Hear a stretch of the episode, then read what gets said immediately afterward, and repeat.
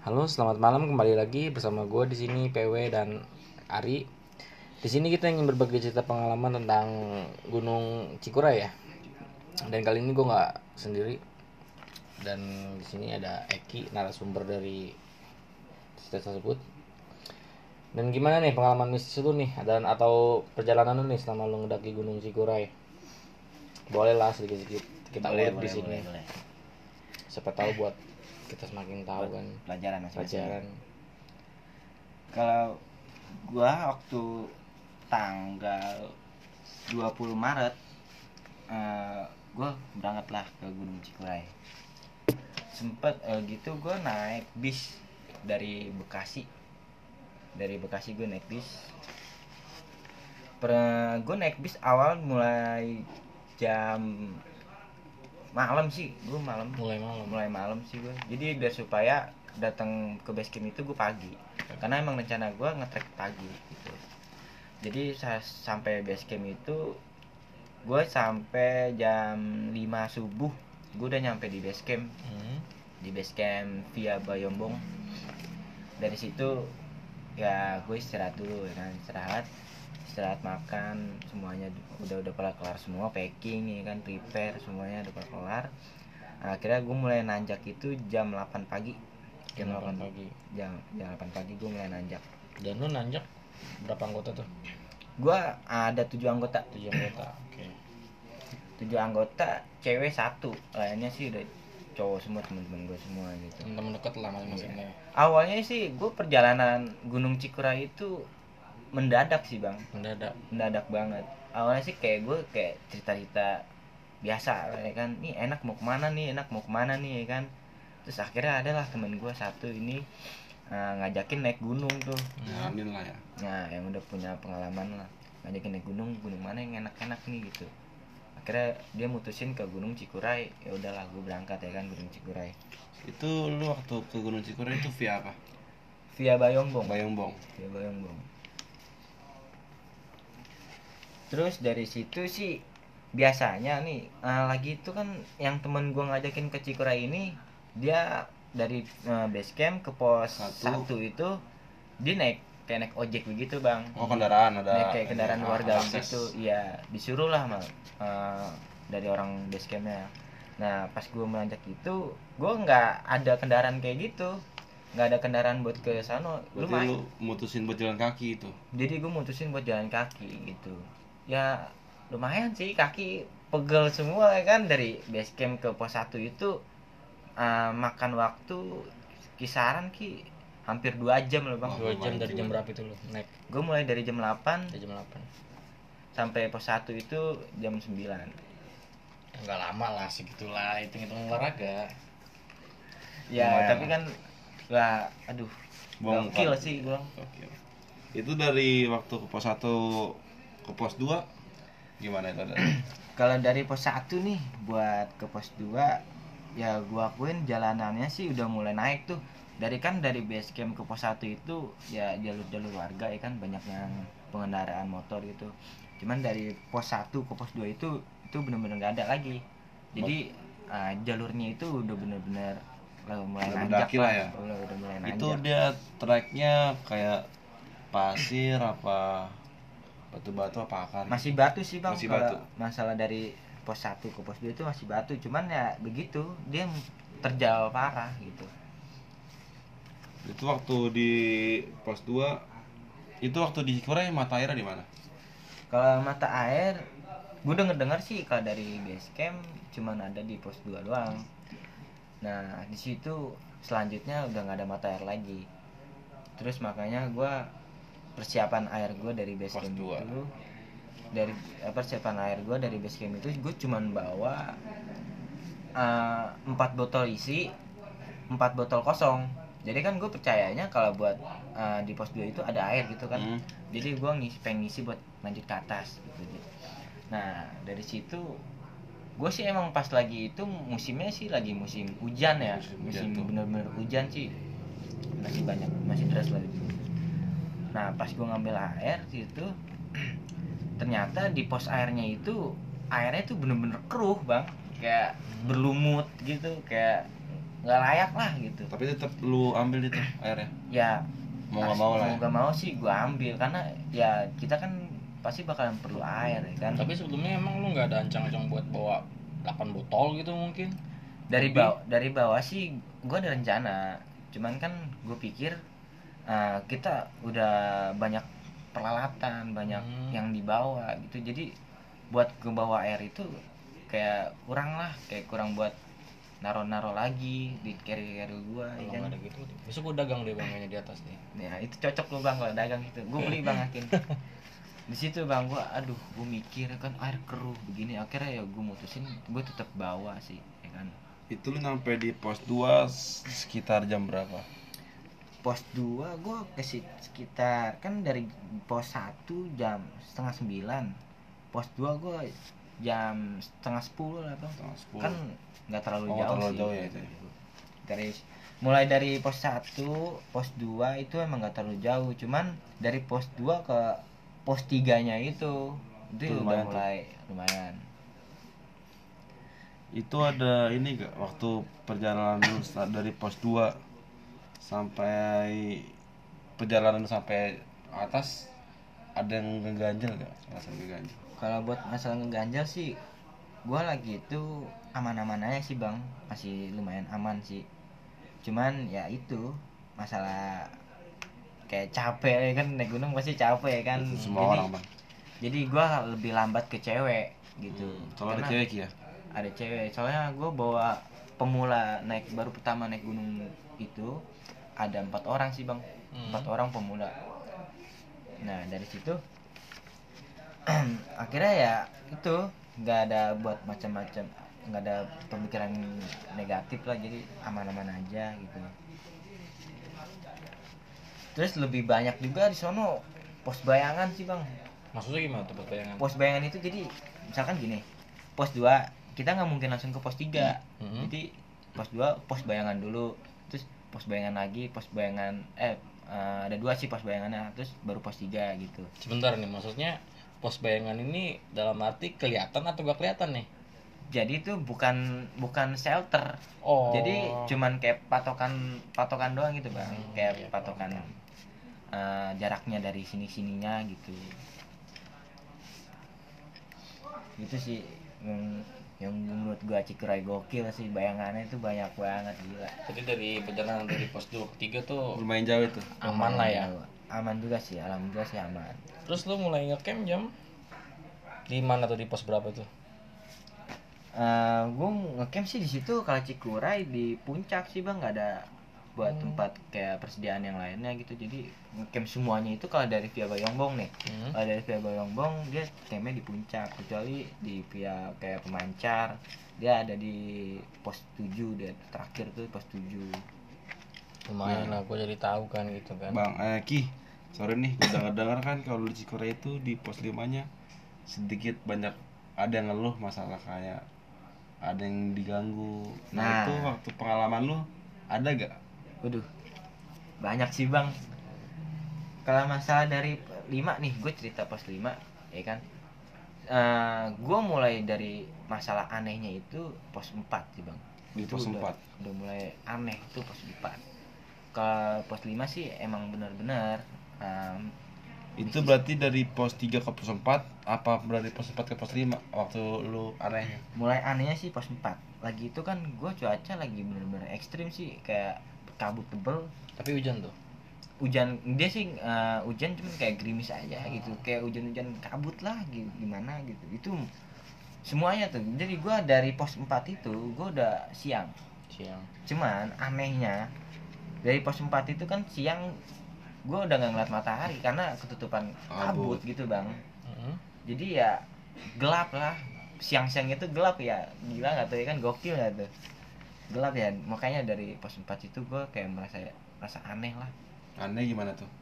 anehnya sih eh, temen gue sih yang ngerasain sih yang pemula ini. Mm-mm. ya kan eh, satu dia kayak diem banget tuh. Orangnya tuh dia emang orangnya kayak pendiam gitu ya kan. Gue kan gugup ya kan. Gue mulai ya masih biasa cuek lah ya kan.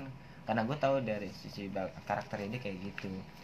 Dan akhirnya dari pos 5 kan gue nyampe pas 5 maghrib tuh bang Pas lima maghrib. Itu Iya. maghrib itu.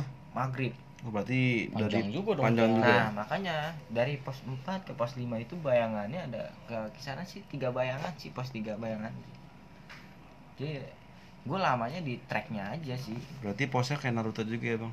Naruto ya bang ada Naruto ada Boruto juga makanya dari pos 5 kan gue maghrib akhirnya gue sempit break eh, sempat break dulu lah kan buat eh, ngalihin azan ya kan Hmm. dulu Tapi lu azan sholat apa diem tuh? kalau azan sih ya gue ngopi sih bang Kopi.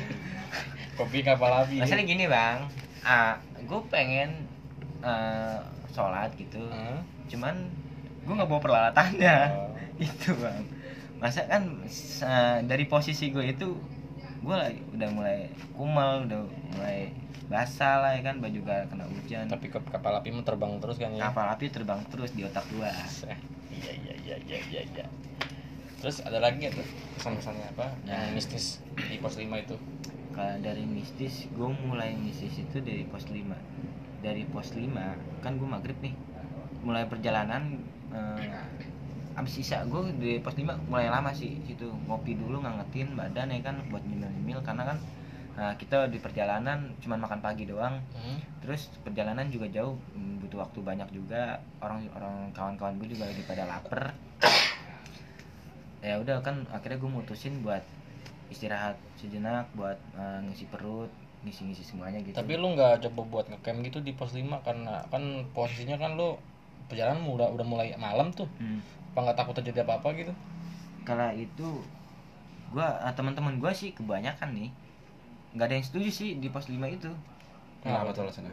ya karena teman-teman gue itu pengennya tuh pengen nyampe ke puncak-puncak Langsung, aja oh. puncak itu kan eh, kalau di Cukrai kan tempat campnya kan di puncak tuh jadi Hmm. lebih enak lebih aman lebih oke lah ya kan di tempat-tempat itu karena di situ di pos itu dia nggak ada warung bang Oh berarti lu jatuhnya nggak bisa summit dong kalau kayak gitu ya? Langsung bener-bener muncak ya? langsung benar-benar muncak Keren juga. mulailah dari pos 5 ya kan gue mulai perjalanan abis isa Hmm. dari situ gue udah merasain benar-benar aneh gue sendiri yang ngerasain aneh bang Aneh gimana? karena gue sempat berpikir pas di base camp itu di Via Bayombong pantangan Cikura itu gak boleh pakai baju merah bang. Iya itu juga pernah dengar itu Ki. nah itu. Yang Tapi dari salah satu antara lu pada ada yang pakai baju merah di situ. ada satu temen gue cewek. Itu juga itu pun gue nggak tahu bang. Gue nggak tahu dia pakai baju merah. Awalnya dia dari pertama kita berangkat dari base camp dia pakai jaket terus. Ketutup lah ya. ketutup. Gue nggak tahu ya kan karena gue kan masa iya gue buka-buka kan baju dia kan nggak mungkin ya Kayak kan nanti. Iya, makanya kan gue baru tahunya itu pas dia pas gua di posisi di pos 5 akhirnya ngebreak ya kan. Terus dia tiba-tiba buka jaket tuh. Buka jaket karena jaketnya basah. Basah banget tuh karena kena Mm. hujan, buka jaket. Nah, gue sempat kaget Bang dari itu. Pas gue ngeliat anjir, lu kenapa pakai baju merah kan di situ ya. Gue udah berpikiran negatif aja tuh Bang dari situ. Pantesan ya kan. Gue pas perjalanan gitu kayak mulai merasa aneh gitu. Gak enak lah ya. mulai merasa aneh banget bang. Nah pas perjalanan dari situ teman gue yang pakai baju merah itu tadinya yang ngebar-bar banget ya kan? Banyak Hmm. bicara banyak bercandanya. Tiba-tiba dia diem. Jadi kayak down. gitu aja bang. Dia down gitu. Entah kenapa gue pemikiran gue sih emang negatif cuman pengen apa positif aja lah pemikiran gue gitu akhirnya dia kan di dia posisi posisinya kan ada di depan gua tuh. Gue posisi paling belakang bang buat ngamanin semuanya kan. Nah posisinya dia di depan gua tiba-tiba dia diem. Diem tuh bang nggak mau jalan. Gitu. Gue entah kenapa gue gue bingung nih. Wah gue tegur ya kan gue gepak eh, pundaknya. Lu kenapa? Gitu. Nah kata dia gini. Gue ngeri lah ngeri kenapa kan gue masih sempat bingung tuh dari situ. Ngeri kenapa gitu. Ngeri aja. Dia ngomong kayak gimana sih bang? Kayak Singkat, singkat kayak- banget gitu ngeri aja. Wah gue udah pemikiran aneh nih ya kan? Akhirnya gue rangkul lah dia. Udah ayo jalan sama gue berangkat bareng ya kan? Dia ngebisikin gue bang. Dia ngeliat sosok hitam gede matanya merah ngeliatin dia terus. Hmm. di situ gue udah merasa aneh. Nih gue merinding bang bener. Gua itu mungkin lo apanya yang hitam gede mata merah Iya, kagak lah bang, Ustaz. Kan gua putih bang. Nah dari situ tuh, gua udah merasa aneh. Dia ngebisikin gua. Gua ngeliat hitam, ah, sosok hitam gede, mata merah ngeliatin gue terus. itu waktu di mana tuh Itu pas perjalanan ke pos 6 pos 6 perjalanan ke pos 6 Pos 6. Dari situ bang, dari pos 6 itu nyampe lah gue pos 6 kira-kira jam 8 malam. jam 8 malam eh jam setengah sembilan lah jam setengah sembilan malam. Itu gue di pos 6 ya kan? Karena kan dari jarak dari pos 5 pos 6 itu lumayan Jauh. nggak terlalu jauh Oh, terlalu jauh ya? nggak terlalu jauh. Nah dari situ gue masa aneh. Itu gue bener-bener merasa aneh bang. Anehnya gimana? Anehnya gini. Dari pos 6 itu kan uh, Cikuray cuman batas sampai di pos 7, 7 itu ya kan? puncak ya. Anehnya di pos 6 gue udah bisa ngelihat puncak. Hmm. Anehnya dari situ bang. Hmm, terus? gue nyenterin ke atas ya kan. Wah puncak. Akhirnya gue nyemangatin temen-temen gue dong ya kan. Ayolah tanggung dikit lagi puncak. Ayolah tanggung dikit lagi puncak. Akhirnya temen gue pada semangat lagi semangatnya ngefit lagi ya kan. Nah dari situ anehnya gue ngebreak bareng rombongan satu orang nih dari Hmm. belakang. Jadi gue ngebreak dia ngebreak ya kan. Terus gue jalan dia masih ngebreak nih. Gue jalan agak lama tuh bang agak lama kayak kisaran kayak 30 menit udah di belakang dia Belakang di dia, depan di belakang dia. Nah dari situ gue merasa diputerin jalur bang. Diputerin jalur gimana tuh maksudnya? itu kenapa lu bisa nyimpulin kalau lu diputer jalur? Ya itu karena gue merasa anehnya itu di pos 6 kenapa gue bisa ngeliat puncak? Jadi gue pas nyeterin ke atas wah gue ngeliat tenda. Tenda bener-bener tenda. Gue ngeliat bener-bener tenda gitu. Akhirnya gue jalan terus jalan terus nah dari situ gue merasa bingung. Gue nggak nyampe nyampe gitu akhirnya gue mulai break lagi lah. Itu gue udah sempet perjalanan kira kurang lebih sejam sejam lah kurang lebih sejam. Nah dari situ gue pada ngebreak temen gue ngebreak ya kan. Sekarang mikirnya gini bang. Gue dari singkat ngebreaknya sama rombongan yang di belakang itu kan setengah jam ya kan. Gue dari perjalanan udah sejam kurang lebih sejam tiba-tiba pas gue ngebreak nggak kelamaan 5 menitan rombongan di belakang gue itu ada, Ada. lagi. Ada lagi. Gue bingung tuh dari situ ya kan. Gue merasa mikir ah ah, aneh aja gue masih mikirnya tuh aneh aja. Cuman gue berusaha tuh mikirnya yang enak-enak aja yang positif ya kan. Akhirnya gue anggap biasa. Nah sampailah di pos 6 itu gue ngeliat tenda. Hmm. itu bener-bener nggak ada jejak sama sekali buat kayak ada bekas orang. Berarti sunyi itu sepi tenda itu? Bener-bener sunyi. Anehnya kan di pos 6 itu eh, emang nggak boleh dibuat tenda di situ. Ah. karena emang pantangan dari Gunung Cikuray. Itu sih gue dengar dengar ya mistisnya di situ Gunung Cikuray nggak boleh ngecamp di pos 6 nah gue lewatin lah pos 6 emang gue gue sempet eh, teman gue ngomong ngebreak lah di sini akhirnya gue alin pencaraan gue nggak mau mutusin ngebreak di pos 6 Hmm. karena gue takut ada terjadi apa-apa gitu ya kan akhirnya gue ngelewatin pos 6 dulu cuman anehnya itu gue ngeliat tenda nggak ada jejak sama sekali orang nggak ada jejak kayak sampah nggak ada bekas-bekas sepatu sendal Dan itu lu sendiri yang lihat atau Semua rombongan. Semua ya. semua rombongan gue ngeliat dan itu pun gue ngomong permisi Hmm. permisi mas itu Tapi nggak sebelumnya nggak lu cek dulu gitu atau mungkin ada orangnya lah Oh, atau gimana? dari situ gue nggak berani. Nggak berani ngecek. Takutnya kan pemikiran orang kan beda-beda. Dari situ gue cuman bilang permisi doang pas lewatin itu nggak ada yang jawab sama sekali. Gitu. Hmm. orang suara tidur pun nggak ada semuanya sunyi banget. Itu jam? Itu gue ketemu jam 9 jam setengah 10 Malam juga ya. itu bener-bener jam setengah 10 itu dari situ merasa panik gue akhirnya kan gue merasa biasa kan teman-teman gue pun juga udah mulai kelelahan udah mulai kedinginan parah. Karena kan dari perjalanan pos 5 itu sampai seterusnya itu gue dikelilingin kabut sama gerimis hujan. Jadi kan lu tau sendiri dinginnya itu udah parah banget berarti di Bang. situ kondisi cuaca lagi nggak bersahabat lah ya? Lagi situ lagi cuaca nggak bersahabat. Dua juga persiapan gue kurang. buat kayak jaket kayak sepatu atau penghangat lah gitu. Itu mungkin jadi buat pelajaran lagi lah nah depan. dari situ gue mulai bingung lagi. Kenapa nih kagak nyampe nyampe kan? Soalnya dari estimasi dari base camp itu eh, dari pihak base camp itu estimasi dari pos 6 ke pos 7 itu cuma 20 menitan bang. Hmm. 20 menitan. Anehnya gue dari jalan itu kurang lebih hampir dua jam Kedua jam tuh. hampir dua jam gue nggak nyampe nyampe puncak.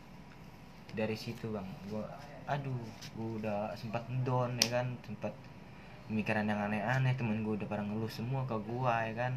Masalahnya kan gimana ya ah, temen gue yang pemula itu gitu merasa aneh juga.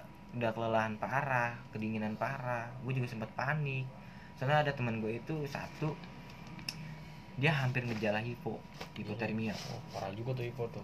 karena dari situ dia kurang perlengkapan sama Fisik lah ya. fisik Fisik. juga dari situ akhirnya gue dari jam 11 nyampe lah puncak pas sampai puncak itu gue bener-bener kacau lah bang Kacanya dalam arti gimana nih? kacanya itu gue bener-bener gak dapat lahan buat diriin tenda jadi Nah, saking ramenya atau gimana nih? saking ramenya. Hmm. gue bener-bener gak dapet lahan tenda. Akhirnya yang temen gue satu ini yang kedinginan parah dia langsung tiba-tiba pas sampai puncak itu eh, pingsan gitu. Hmm. Yang cewek cowok nih, yang cewek cowok. cowok. Oh, cowok. awalnya cowok dulu nih. Dengan pas dapet eh, sampai tenda puncak pingsan. Berat waduh gue panik ya kan?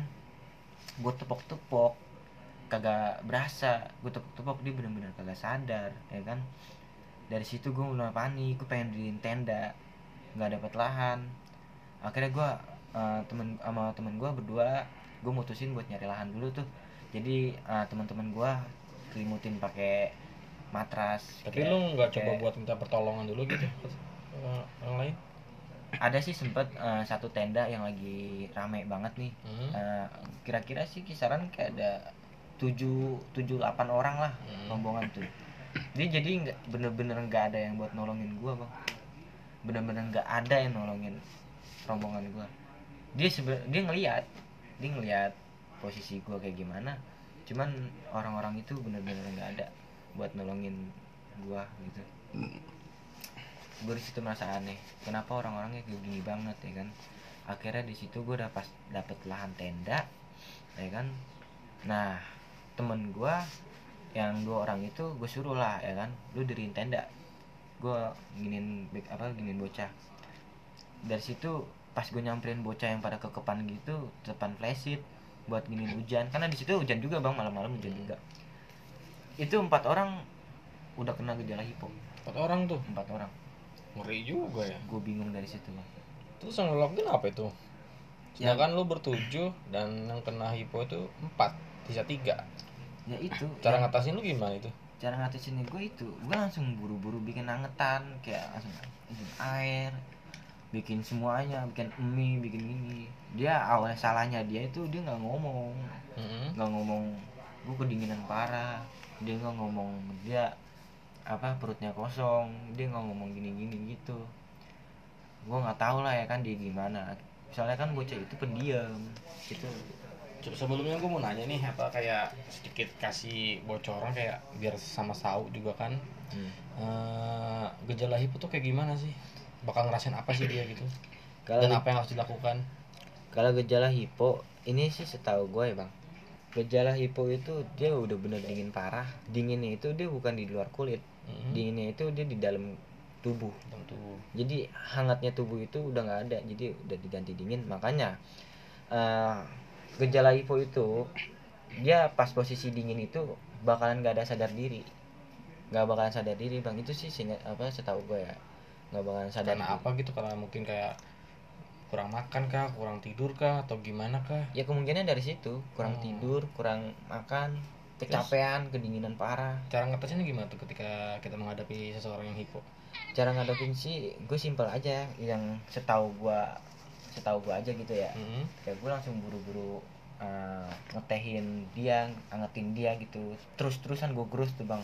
Dia nggak mau tuh sempet nggak mau. Sempet nggak mau bener-bener nggak mau. Karena dia emang nggak sadar diri gitu. Akhirnya di situ gue selimutin SB kan gue banyakin selimutin semua tuh berempat empatnya ya kan. Nah pakaian-pakaian yang basahnya dia itu gue copot-copotin semua gue ganti-ganti pakai pakaian kering. Yang cewek juga tuh lo gantiin tuh. Kalau cewek sih jaket aja sih ya ilah kalau cewek sih jaket aja kan. Jadi pengen. Aduh gue juga pengen bang kayak gitu. Akhirnya dari situ gue angetin badan semuanya. Gue masak mie gue paksa terus dimakan ya kan. Akhirnya alhamdulillah sih bang eh, teman teman gue itu yang gejala hipo itu nggak terlalu parah banget.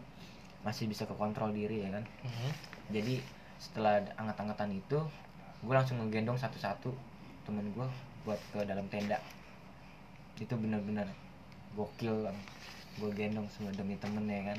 Gendong set set set set. Semua udah pada rapi. Akhirnya gantiin baju semua tuh gantiin baju semua suruh angetin lagi. Sampai gue bener-bener sadar eh sampai dia bener-bener sadar itu gue baru apa baru tenang pikiran gue bang karena kalau misalkan dia belum sadar itu gue nggak bakal berani ngelepas dia bang itu kuncinya sih. Setahu gue kalau orang-orang yang kayak gejala hipotermia gitu. Gue sedikit sedikit merinding nih gue sama cerita lo sedikit haru. Dari situ gue mau ber- merasa aneh lagi sih bang. Entah kenapa kayak dari pos 6 itu kayak ada yang nyintilin Mhm. Kayak ada yang nyintilin bener-bener nyintilin gitu bang. Gue malam-malam sih jam 12 malam. Kayak ada yang apa di tenda. Kan gue di dalam tenda posisi nih. Kayak ada yang getok-getokin tenda gitu bang. Oh kayak orang manggil gitu ya? Nah cuman kalau binatang sih ya kemungkinan jauh. Kalau Hmm. angin sih kan dia pasti kan kayak gitu ya. Beda lah sama orang getok-getokin tok tok tok gitu. Iya. Beda gitu nah itu gue posisi lagi berdua sama temen gue yang lainnya udah pada tidur semua tuh. Ya kan? Akhirnya di situ temen gue emang barbar sih ya kan? Hmm. dia ngecek tuh keluar tuh. Bener-bener gak ada siapa-siapa bang. Bener-bener gak ada siapa-siapa di lingkungan juga. Orang udah pada sepi kosong semua tuh. Akhirnya balik lagi lah ngopi kata temen gue angin gitu. Akhirnya ya gue pun kayak gitu pikirannya positif aja sih ya kan angin gitu sempet. Dari situ gue lanjut lagi ngopi ya kan. Kayak gitu lagi ulang lagi. Das das das duh nggak beres nih ya kan. Gue bikin nggak beres nih. Nggak beres akhirnya gue mutusin yaudahlah kita tidur aja. Nggak usah mikirin. Gitu. pas tidur temen gue mimpi. Mimpi gimana tuh? Mimpiin cewek. Jadi eh, rambutnya panjang. Hmm. bener-bener panjang sampai kayak dengkul gitu. Terus nah, dia mimpi mimpin cewek dia minta-minta tolong gitu bang tolong tolongin saya mas tolongin saya mas gitu. Sempat temen gue bangun bos bangunin gue tuh. Ak- dia kan emang bocahnya takut sih tuh bener-bener penakut. Oh bukan bocah barbar tadi. Kan. Bukan. Terus? Ya kan akhirnya situ dia bangunin gue lu kenapa? Gitu. Gue mimpi aneh. Nggak apa-apa deh nanti tidur aja kan gitu lu dingin gak gue tanya gitu. Enggak dia langsung lanjut tidur lagi nah dari situ kelulang lagi. Dia masih ya, dalam mimpinya itu ceweknya itu masih minta tolong lagi. Tolong tolong tolong. Cuman ceweknya itu bilang tolongin saya di pos 6 uh, serem juga. Terus gimana tuh? Akhirnya ya kan gue mulai panik ya kan. Aduh gue mikir gila ini perjalanan paling gokil ya kan. Kayak gini baru baru ke sini aja gue udah disambut kayak gini ya kan? Parah kan. Gokil akhirnya dari situ temen gue masih tidur tuh masih kurang ya kan? Masih bener-bener kebayang yang tadi tuh. Gue mikirnya apa? Pas temen gue itu cerita kan katanya tolongin saya di pos 6 Mhm. nah gue di pos 6 itu kan kan ngeliat tenda tuh. Mhm. oh, Itu Nah. yang tadi tuh? makanya gue gue langsung kepikiran ke situ bang kerali dari situ. Tenda aduh gue pikir ya udahlah gue anggap biasa aja ya kan gue bener-bener nggak tenang buat tidur nggak tenang ya kan? Gue tidur tidur jam berapa tuh? Jam 3 gue bang tidur tidur bener-bener tidur jam 3 gue di situ gue ngopi lagi sama temen gue ya kan? Gue bangunin gue kalau sendiri emang gak berani bang. Nah dari situ temen gue kayak ngeliat bayangan putih cuman kayak ngayun ngayunin tangan Mhm. ngayunin tangan buat lu kemari gitu. Sini loh sini loh gitu. Hmm. Di temen gue doang yang lihat. Gue gue nggak ngeliat dari posisi itu gue nggak ngeliat temen gue akhirnya tiba-tiba dari lagi ngobrol-ngobrol asik yang ngobrol-ngobrol seru-seruan kita di sono tiba-tiba dia ngedon tiba-tiba dia diem. Gue tanya ya kan lu kenapa? Ada yang manggil. Gitu. Ada yang manggil. Aduh. Gue aduh gila kan gokil parah nih gokil gokil bener-bener gokil nih perjalanan. Akhirnya ya udah gue mutusin dalam tenda udah dalam tenda aja kita ngobrol-ngobrolnya. Nggak aman lah gue gue mikir kayak gitu. Berarti selama lu di pos 6 lu nggak aman gitu ya? Benar-benar nggak aman bang. Dari situ. Selepas dari situ akhirnya gue bangun pagi lah. Bangun pagi itu tenda gue roboh bang. Kok bisa roboh? Gimana itu? Nah entah kenapa angin entah kenapa temen gue masangnya kurang kenceng Itu roboh. asapnya teman lu masih di dalam atau udah di luar tuh? Ya, jadi uh, premnya patah. Apa nih patah. Makanya entah kenapa gue kena angin atau gimana patah sih. Pas gue bangun pagi lah. Kok tenda gue rapet gitu ya kan? Malu dong lu ya. Malu bang gue pas ngeliat tenda anjing udah pada rame lu bangsat. Udah pada rame foto-foto ngabadikan alam. Buset dulu gue malu bener-bener malu. Akhirnya di situ gue pura-pura gak kenal aja kan sama teman-teman gue kan? Tapi tapi sikap pendaki lain ke lu gimana tuh bang? Kalau sikap waktu pendaki ngeliatin dari rubuh gitu apa ada nolongin dan bantu biasa aja sih bang. Kayak orang masa bodoh. Malah ada eh, sebagian orang ngetertawain rombongan gua ya itu sih yang bikin gua kacau sih bener. Jadi menurut lu gini nih bang. Maksudnya dari dari perjalanan awal lu sampai lu muncak menurut lu tuh bagian mana yang menurut lu tuh bener-bener horor gitu? Yang bener-bener tuh kayak teringat mulu gitu di otak lu sampai bener-bener lu turun lagi ke base camp yang bikin teringat gua sampai sekarang. Yang cewek minta tolong sama manggil sih bang. Sama manggil ngayunin tangan itu. Tapi lu waktu cewek itu apa, tuh waktu temen lu ngimpin cewek itu pas lu turun lagi tuh lu sempet nggak nengokin ke pos 6 dulu? Kan emang gue sih jalurnya kan pos 6 nah anehnya tendanya itu apa namanya nggak ada. Udah nggak ada. Udah nggak ada. Udah nggak ada bener-bener nggak ada gue pas balik wah tendanya nggak ada kan berarti kan pemikiran gue gimana lah gitu ya kan. Aman-aman aja lah. Dari situ tuh.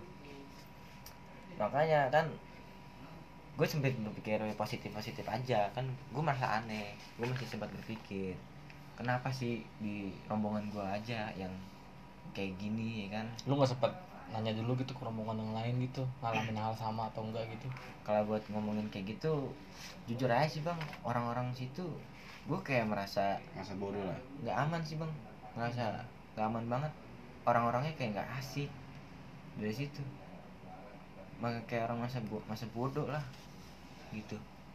Oke lah kalau gitu se- sedikitnya lu bisa ngasih pesan nggak untuk mungkin untuk eh, pendaki-pendaki yang akan datang lagi ke Cikure? Pesan-pesan dari lu gimana gitu? Kalau pesan gua terutama nih kita harus jaga sikap jaga omongan jaga etika attitude jaga perilaku kita kayak gimana kita harus ngargain eh, yang ada di situ. Kita juga harus jaga omongan gak usah bareng sama orang omongan. Kalau buat cewek-cewek sih terutama izin orang tua kedua jangan kayak ada gejala-gejala dapet. Mm-mm. itu jangan terlalu maksain karena kan uh, resiko besarnya sih ada dari situ. Kalau cewek kan emang sensitif buat ke dunia-dunia kayak gitu ya kan? Iya. Makanya sih itu aja sih kalau pesan-pesan cewek. Jangan terlalu jaga lah jaga diri lah. Jangan terlalu maksain buat kita happy happy di atas bagaimana-nya terus yang kedua juga kita harus ngeliat cuaca sih bang. Kalau emang cuaca kita lagi ekstrim cuaca kita lagi begini ya itu keputusan sih udah masing-masing kita bisa ngebagi. Lanjut bisa enggak? Kalau menurut gue sih lo harus mikir dua kali. Tapi seenggaknya dari cerita yang lo kasih ke kita bukan berarti kita takut untuk naik ke Gunung Cikura itu kan? Ya, agar berhati-hati aja lah ke depannya. Jadi jaga nah, sikap. ya harus gua aja lah yang bisa ngalamin kayak gini buat suatu pelajaran buat lulus semua ya kan? Yang buat pengen ngedaki Gunung Cikuray. Sama satu lagi tuh nggak boleh ngelanggar aturan. Iya. kayak pantangan di Cukre kan kayak tadi yang kata lu bilang nah baju merah. itu tuh.